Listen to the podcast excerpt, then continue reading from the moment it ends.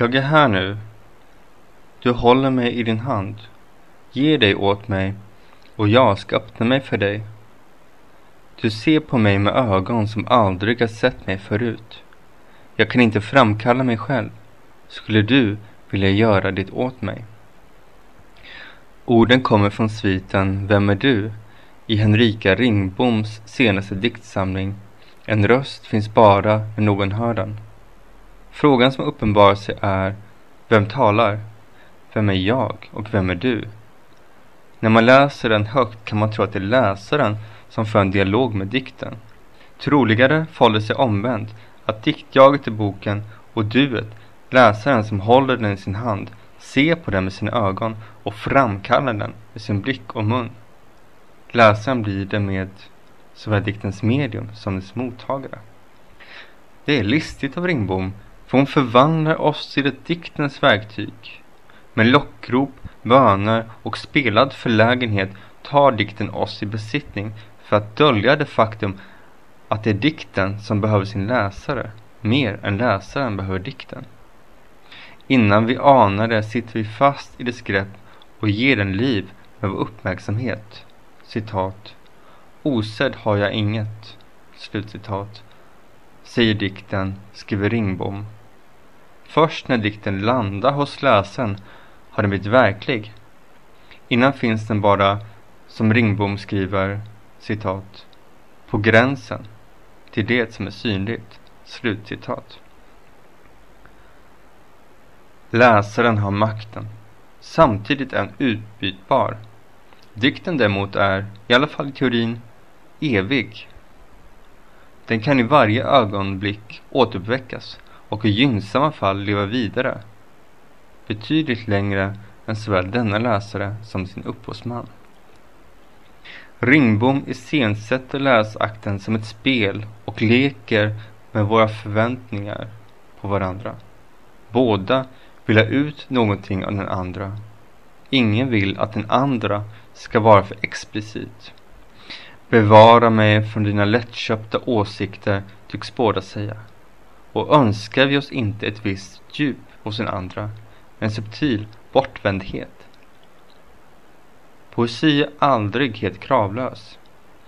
Hos Henrika Ringbom är den tvärtom rätt krävande. Den begär att vi ska hänge oss åt den, stanna i den. Den vill ha både blick och beröring. Till och med att vi ska lägga undan mobiltelefonen, det vill säga citat, koppla bort lasten, slutcitat. Ringbom är medveten om risken att läsaren sluter sig av de krav hon ställer. Citat. Slappna av, slutcitat, skriver hon. Citat. Låt mig vara vatten, svepa över din botten, slutcitat.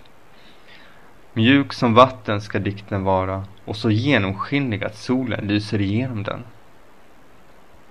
När man väl tillåter detta gör dikten något med sin läsare. Den expanderar inom henne, upplåter med sitt språk en plats åt minnen, tankar och känslor och lyckas i bästa fall. Citat. Släpp in mig genom dina ögons hinnor i ditt inre som vidgar sig. Slutcitat. Henrika Ringbom är verksam som översättare, redaktör, romanförfattare och som poet. Hon debuterade 1988 med diktsamlingen Båge, är flerfaldigt belönad, senast med Carl Wennerbergpriset.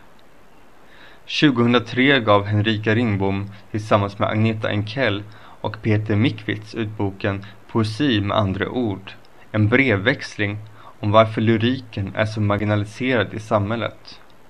Ringbom antydde att den kanske rent av är nödvändig, marginaliseringen alltså. Att poesin behöver marginalens stillhet.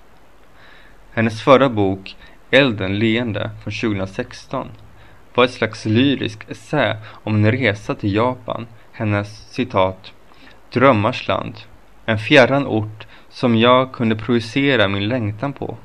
En underbar plats fylld av smäckra människor med en tillbakahållen estetik, stark känsla för naturen och ett vänligt och smidigt umgängessätt. Slutcitat. Ringbom delar den japanska kulturens fatalism och insikten om alltings förgängelse. Men att det vackra just därför är så mycket mer värt att tillvarata. Citat. Alla människor sörjer när något vackert går förlorat. Japanerna gör närmast en kult av det. Slutcitat. I den nya diktsamlingens sista svit, kallad Trösten, förflyttas läsaren till en japansk tempelpark. Citat. Röda lönnlöv i den gröna mossan. Regnet har fäst löv på stenen. Ett tehus, giftigt violetta bär. Nästan förvittrade buddor. Slutcitat. Ringbom närmar sig platsen med ömhet i denna sinnliga dikt. Harmoniskt, kanske man råkar tänka. Innan våldet trädde fram. Citat. Den urblåsta domens skelett. Takteglet smälte. Familjen på fotot. Vi befinner oss inte i vilken park som helst utan i fredsparken i Hiroshima. Irrei, irrei, irrei, mässar Ringbom. Ett ord som betyder tröst för de dödas själar. Hos Ringbom hemsöks dikterna av spöken.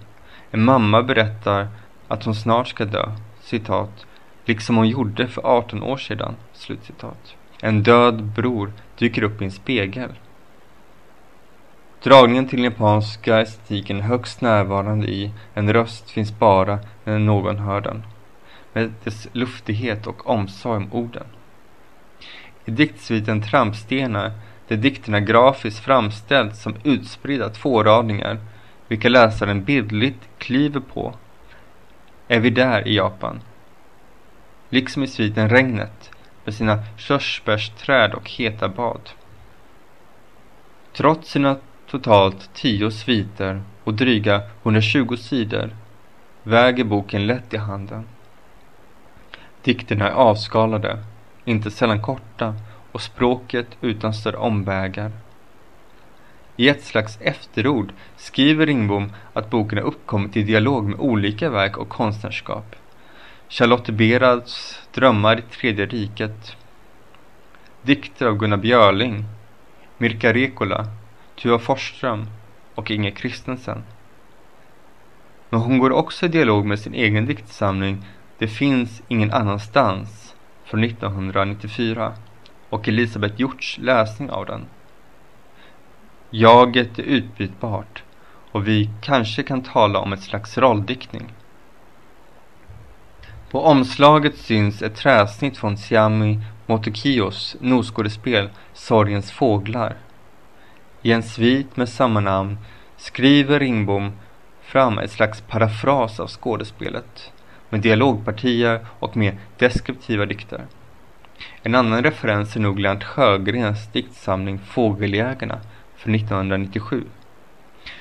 Sjögren skildrar där tre fågeljägare som drunknar en vinterkväll i ett obarmhärtigt hav och under en likgiltig himmel.